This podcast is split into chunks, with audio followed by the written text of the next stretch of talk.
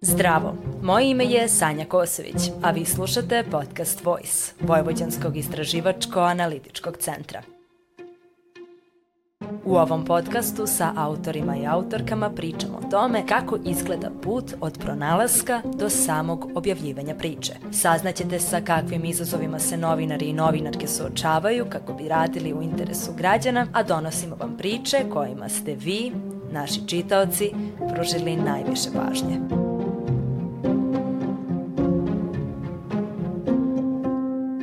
Žena u medijima. Žrtva, domaćica, supruga, seks simbol. Ovako glasi naslov teksta koji je obeležio septembar mesec portalu Voice autorke Tamare Srijemac. U tekstu objavljenom krajem septembra, autorka Tamara Srijemac bavi se načinom na koji su žene prikazane u medijima. Kroz razgovor sa stručnjakinjama, autorka se bavi temama neetičkog izveštavanja o ženama, kulturi silovanja, kao i korenima ovog veoma prisutnog problema u medijskoj javnoj sferi. Samo nedelju dana nakon objave ovog teksta, upravo ova tema je postala povod i za proteste. Portal Informer je 28. septembra objavio intervju pod naslovom Ispovest serijskog silovetelja sa porukom mega ekskluzivno, što je podiglo deo javnosti na noge.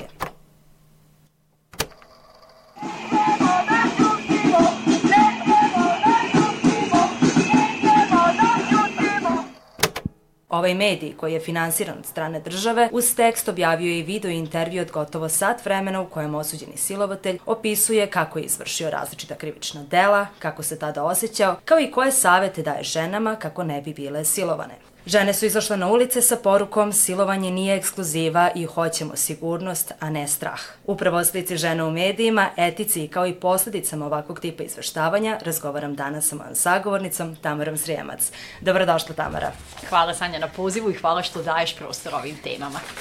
E sada, za početak, pitanje koje postavljam maltene svim sagovornicima u ovom podcastu, šta te je lično podstaklo da se baviš ovom temom? Lično sam podstaknuta da se bavim ovom, ali i sličnim temama već godinama, to je ta nepravda. Uvek mi je impuls da reagujem neka životna, socijalna nepravda kojom smo okruženi, u ovom slučaju uh, to jeste nepravda, nepravda da su žene nekako i dalje drugi pol. Tako da je to moja nekako prirodna reakcija da uh, se uključim i da nešto kažem i makar na ovakav medijski način da reagujem reagujem. Ono što je meni bilo posebno zanimljivo jeste da je ovaj tekst nastao maltene 7-8 dana pre nego što je izašao baš ovaj tekst o serijskom silovatelju, tačni intervju sa serijskim silovateljem. I mene je lično zanima, da li si se ti iznenadila kada si videla taj intervju, kako si ti reagovala i kao novinarka i kao žena? S jedne strane me nije iznenadilo zato što je to samo kulminacija kontinuiranog izveštavanja o nasilju prema ženama, o femicidu, o seksualnom nasilju, ali nekako uvek e, računam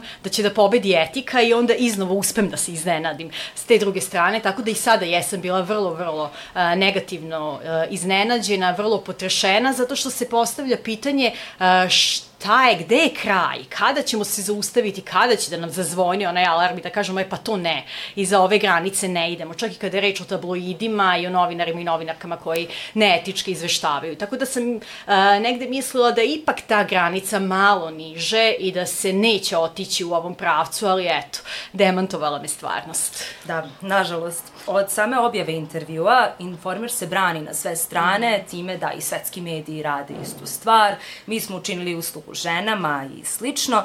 E sada, mene zanima da mi odmah definišemo šta je to zbog čega to nije isto i zbog čega ovakav vid izveštavanja je apsolutno nedopustiv. Da, to nije novinarstvo, to nije etika, to je čist senzacionalizam, propaganda, ja ne znam kako bih to drugačije nazvala, nekako diktiran tržištem zato što je tu bukvalno prikazano da se može svaka etika pregaziti zarad jednog klika. E, kao prvo, to nije novinarstvo iz razloga što mi nemamo taj kontekst, e, zato što mi nemamo celu tu priču e, ispričanu u skladu sa fenomenom seksualnog nasilja, što je izuzetno bitno. Nemamo reč stručnjakinja koja će to uh, nekako obrazložiti, dati dalje informacije šta u vezi s tim. I ono što je Informer radio to pravdanje sa nekim svetskim intervjuima, to je vrlo lako se može pobiti, zato što su najčešće ti intervjui, dokumentarni filmovi, baš su govorile na tu temu i moje koleginice Jovana Gligorijević i Tamara Skroza, one su dale odličnu analizu, ali najčešće jeste praksa da su a, ti počinioci krivičnih dela iza rešetaka. I onda je to, čak je i tu pitanje da li dati njima prostor, ja možda ne bih, ali ako se tu uradi na vrlo inteligentan način, a bilo je a, slučajeva, kako bi se ilustrovao a, upravo ta priča o fenomenu o kojem govore žene koje su stručnjakinje za ove teme i onda ako se pusti izjava određenog serijskog ubice, silovatelja ili slično, što će dati, dopuniti ilustraciju cele priče, onda ima smisla. Ali ako ovako mi najavimo sa mega ekskluzivno, ideja je samo da se uh, nekako namami klik, uh, da se roba proda i to je ono što su i žene na protestima uzvikivale, da se prodaje ta ženska trauma. Mm -hmm. Ajde, informer se brani pa se brani, to mm -hmm. se nekako i očekuje od njih. Međutim, ono što je po meni možda mnogo više zabrinjavajuće jeste da je predsednika regulatornog tela za elektronske medije, Olivera Zekić, rekla da ona ne vidi ništa ovde, da je za histeriju, ne vidi, ne vidi problem u tome. E sad, mene zanima kako to komentarišeš, kao gde smo mi ako naša predsednica regulatornog tela ima takve izjave? Pa to je ona situacija nekako, nažalost, ali smo ogukali. Nekako smo i to normalizovali da regulatorno telo za elektronske medije ne reaguje onda kada bi trebalo i postalo nam je normala da od njih ni ne očekujemo neku sankciju, reakciju i slično.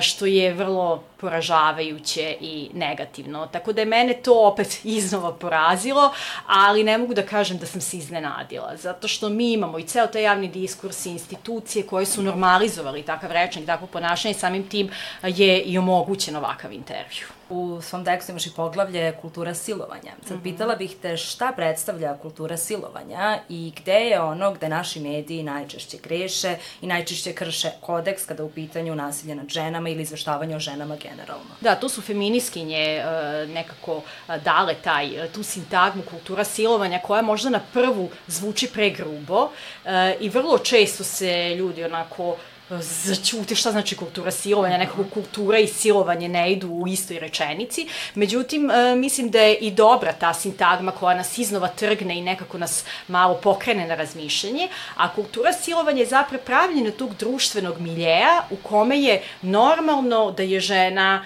e, objekat, da je žena hiperseksualizovana, da je žena kriva za nasilje koje se dešava i slično. Tako da mi u kulturi silovanja možemo govoriti u kontekstu e, viceva koji imaju te neke nes neslane šale gde se e, ismeva na light način neka ženska trauma. To je recimo kultura silovanja, a neki drastičan primer kulture silovanja je upravo ovo što je uradio Informer. Da, vratit ću se na ono što mm -hmm. sam malo pristo rekla.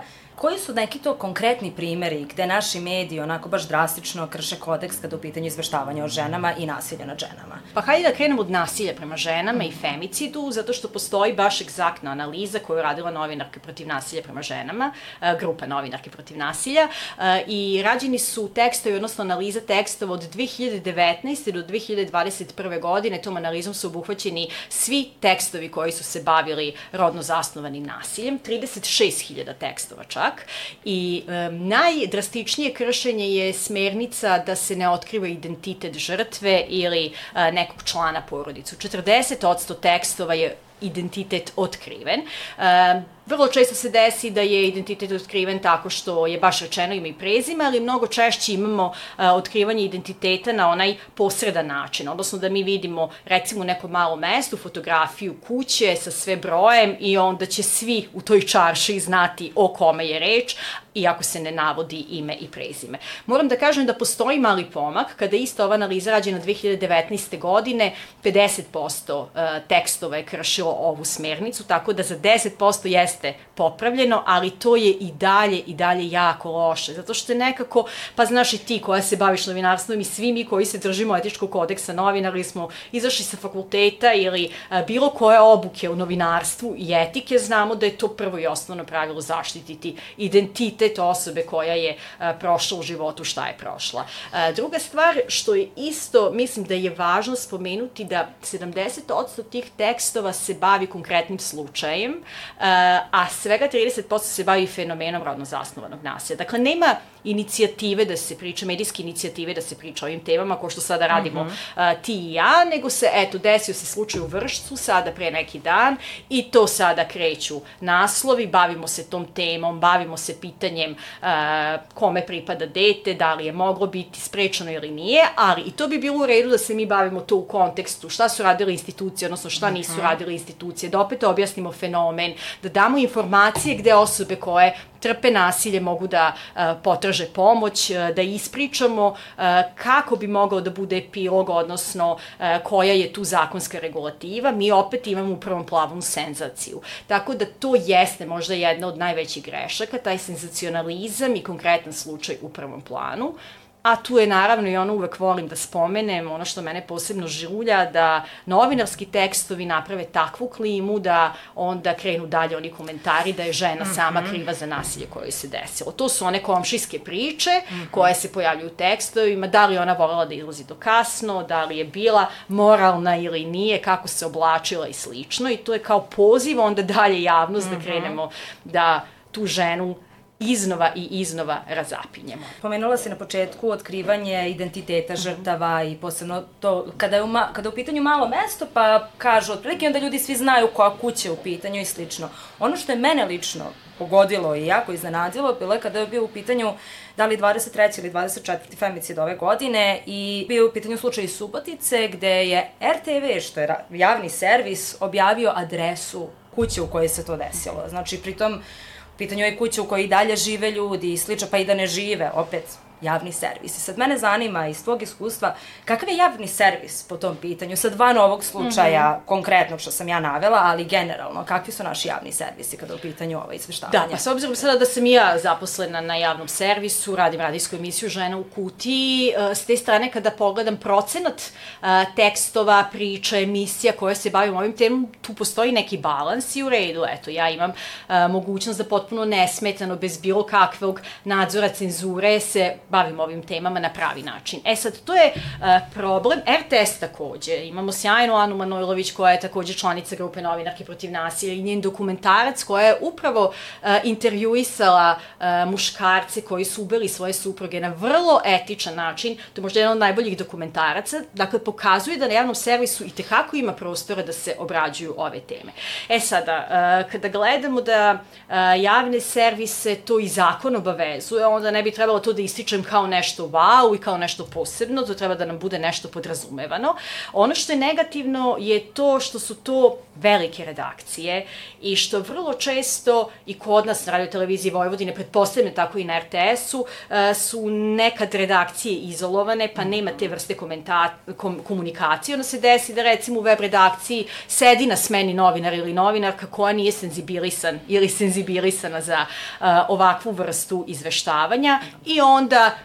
imamo ono, agencija objavila, mi ćemo preneti, stoji adresa, pa zašto ne bismo i mi. To je taj problem. E, ne mislim da je to bilo šta urađeno maliciozno, konkretno na RTV-u. Tu mislim da je prvenstveno e, razlog neznanje, mm -hmm. odnosno da je tada na smeni, ne znam uopšte ko je u pitanju, nije ni bitno, da. ali suština jeste da je to neko ko nije bio senzibilisan i misli ako je već objavljeno, možemo i mi. Mm. A zapravo novinari i novinarke treba da budu ti čuvari kapije i da kažu ovo ne ide u etar, na podcast, na sajt, bilo gde. Nema veze što je negde već objavljeno, mi ne treba time da se bavimo i to nećemo a, pustiti kao informaciju. Da.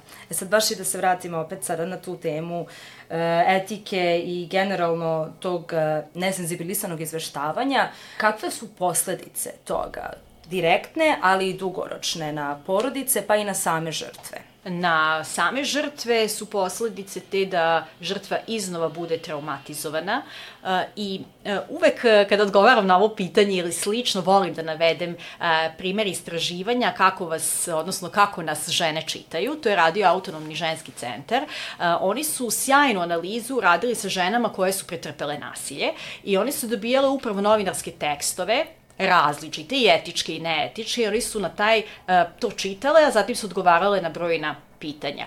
I zapravo sve do jedne žene su te senzacionalističke naslove, zatim fotografije gde u prvom planu nasilje reagovale su tako da njih to iznova traumatizuje, da se one ponovo osjećaju da im je oduzeta moć, da su ponovo u ozi žrtve i ono što je možda ključno da ih takav tekst nikad ne bi motivisao i pokrenuo da prijave nasilje.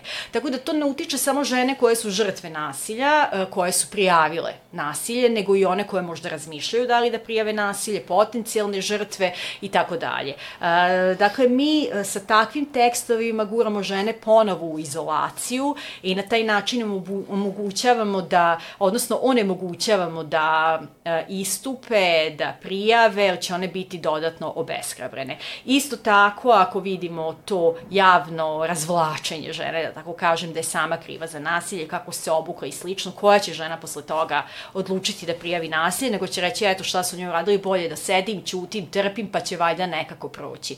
Tako da su to sve direktne posledice, ali ne smemo zaboraviti na sve to ostaje danas na internetu, tako da tu nije samo žena, tu je cela njena porodica, njeno okruženje, naročito ako su u pitanju deca kao žrtve, to je nešto što ostaje zauvek tu i to te osobe dobijaju nekako etiketu kroz ceo život, što je opet uh, jedna stvar koja će njih obeležiti kroz život. Jer žene koje su žrtve nasilja, deca koje su žrtve nisu samo žrtve, to su osobe sa mnogo svojih uh, karakteristika, identiteta, a onda vrlo često uh, kada imamo takvu prezentaciju sadržaja i gledamo samo kroz tu jednu ulogu.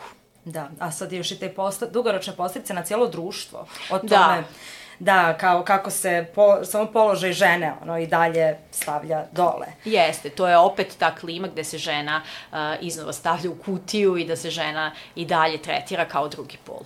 Da. Tu u tekstu si pominjala i činjenicu da su novinarke koje se bave ovim problemama čisto izložene nekom vidu nasilja i slično. Sad, da li možda možeš da mi kažeš nešto više o tome? Da, pa novinarke, to su te nepopularne teme, uh, kao što je, kad god se spomene feminizma, feminizam, tu se javi neka klika ljudi, tradicionalista, uh, koji smatruju da je to neka ideologija strašna, su to neke žene koje su protiv muškaraca i tu ima mnogo tih tema koje su naročito okidač uh, za prozivanje novinarki, da li u pitanju izveštavanja o Srebrenici, LGBTIQ populaciji ili nasilju prema ženama e, i onda vrlo često novinarka biva izložena napadima i tu je ono što je opet drugačije i različito kada analiziramo tu položaj novinara i novinarki e, i dodamo tu rodnu dimenziju. Zanimljivo je što novinarke uvek, ali uvek bivaju diskreditovane ili na osnovu svog izgleda e, ili na osnovu toga kako su se obukle, dok e, muški novinari, njih ćemo diskreditovati na osnovu toga što su oni napisali i objavili. Dakle, tu je razlika i tu je mhm. opet ta rodna dimenzija, tako da ćemo mi videti uh, kada žena napiše, recimo, tako neki tekst, ispod ćemo posle videti uvreda, rugoba, ko bi tebe, tebe ne bi ni, šap, ni štapom ili pozivom na silovanje ili tako dalje. E, vrlo, vrlo redko ćemo mi videti neku stručnu raspravu, debatu na e, osnovu toga šta je u tekstu objavljeno. Tako da e, je, nažalost, to situacija sa kojom mnoge novinarke danas žive. Imamo drastičnih primjera, imamo manje drastičnih. E, ne mislim da se ne posvećuje dovoljno pažnja tome, jer mi i dalje, kada nešto bude napisano na internetu i tako neki komentar, smatramo kao to nešto izolovano od realnog sveta, a zapravo nije.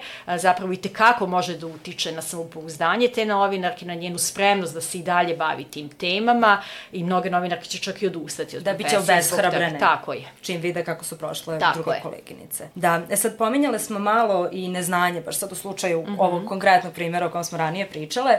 Sad zanima me koliko generalno neznanje ima ulogu i kada su u pitanju tabloidi i kada su u pitanju generalna cijela medijska situacija, koliko ulogu ima neznanje, koliko ovde ima koliko ovde u stvari posledica neznanja, koliko posledica toga da neko namerno to zbog klikova i gde medijski radnici i radnice, novinari i novinarke u stvari mogu da se ediku, edukuju o načinu izveštavanja, a da nije samo etički kodeks. Mm -hmm.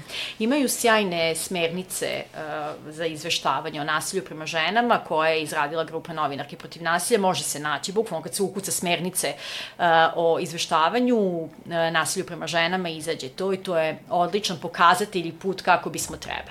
E sada, zašto ne izveštavamo svi na osnovu tih smernica, uh, ima neznanja, opet s druge strane sve manje. E, mislim da je dobra stvar što danas u svakoj redakciji e, ima makar jedna novinarka koja je senzibilisana za ove teme. Evo sad ako gledamo grupu novinarke protiv nasilja koja je e, nastala pre nekoliko godina, od svega nekoliko novinarki koje su je pokrenule, danas ona broji više od 80 pa čak blizu 100 novinarki i tu su čak i novinarke tabloida nekih, što je jako dobro, e, zato što su i one e, te koje su edukovane, potkovane, znaju da iznesu temu, da izguraju temu i e, nekako će se pobrinuti i izboriti da se ta tema nađe u njihovom mediju. I sad tu postoji taj a, e, drugi problem što oni dalje svi žive od tih klikova i onda će se desiti da urednik ili urednica promeni naslov, pa se mhm. onda u naslovu a, e, zatekne sve ono što smo navikli da vidimo kada otvorimo bilo koji tabloid, ali zato to je zanimljivo isto kada se gledaju ti tekstovi, sve više ćemo imati tekstova sa tim skaratnim senzacionalističkim naslovom gde su prekršene sve smernice i etika i onda ispod toga vidimo sasvim pristojan i zadovoljavajući tekst. Da li je to dovoljno? Nije, ali je dobra stvar što se ipak situacija menja i što ima napretka što i što imamo se... nešto, neku Tako organizaciju. Je. Imamo da. neku bazu novinarki koja gura svaka na sitno u svom mediju, pa se nadam da će to biti jednoga dana u tom nekom idealnom poredku. Mislim, ovo se sad lepo nadovezuje na pitanje koje sam htela za kraj, ali možemo i sada. Uh, sada zaista kada se gleda sve, posebno s ovom situacijom informerom i posebno i svojim protestima i sa svim femicidima, teško da se vidi neko rešenje i teško da se vidi neka pozitivna, po, pozit, pozit, neka pozitivnost u daljoj budućnosti, u bliskoj budućnosti. Ali zanima me šta, šta ti vidiš kao neko rešenje, osim možda ovog sada ili može biti i samo ovo?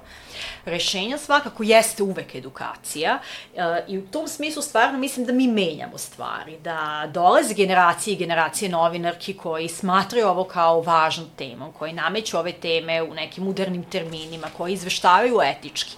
Ali s druge strane mislim da nedostaju sankcije. Ja bih jako volela da se posle onog intervjua izlaska žene na ulice da smo mi E, taj dan ustali da informera nije bilo na trafikama, da je informer dobio da plati toliko kaznu da e, njima više ne bi palo na pamet da tako nešto objave. Ne sad samo informer, nego svaki tabloid, svaki medij koji prekrši etiku. Mi imamo e, nekako reakcije koje jesu važne, uvek je važno kad reaguju novinarske udruženja, kad reaguju pojedinke, e, zato što na taj način se solidarišemo, dajemo podršku, šaljemo tu poruku da osoba koja je izložena bilo kakvom linču nije sama, ali fale te neke završne reakcije, odnosno reakcije institucija, da im imamo konkretnu kaznu, da se tako nešto ne bi ponovilo. Tako da mislim da je to stvar koja najviše nedostaje da bismo mi mogli govoriti o nekom idealnom stanju. E sad nisam sigurna koliko si i ti upućena ovo, ali možda jesi. Kakva je situacija u svetu? Da li postoji možda neki primjer dobre prakse iz sveta ili možda iz zemalja iz regiona koje su možda imali ovakav sličan problem ili imaju, ali ga regulišu na adekvatan način ili bolji nego mi. Jer čini mi se da mi uopšte ne, ne regulišemo po svemu sudeći. Da, nisam se baš bavila i to analizirala, pa sada da ne bude da pričam na pamet, ali nedavno sam ja baš za moju emisiju radila uh, intervjue o položaju novinarki i novinarka Barbara Matajičić je pričala o situaciji u Hrvatskoj. Ne mogu se setim koji je tačno list, mislim da je navela primjer Slobodne Dalmacije ili tako nešto, ne, ne, ne tvrdim, ali je, uh, oni su imali isto tako veliki slučaj uh, kada se desilo da li ubistvo deteta ili žene i kada je krenulo to lešinarenje po medijima, neetičko izveštavanje i konkretno taj list je uh, dan posle objavio uvodnik uh, u kom stoji jasno napisano zašto oni neće izveštavati o tom slučaju.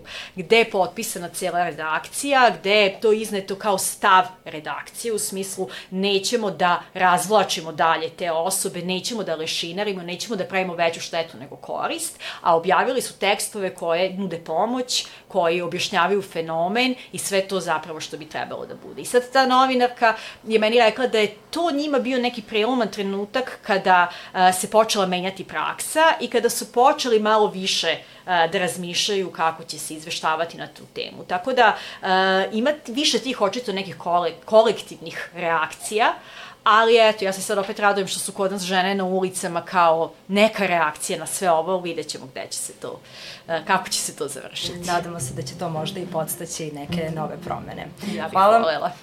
hvala mnogo Tamara što si gostovala u ovoj epizodi Voice podcasta. Hvala tebi na pozivu, zadovoljstvo je bilo.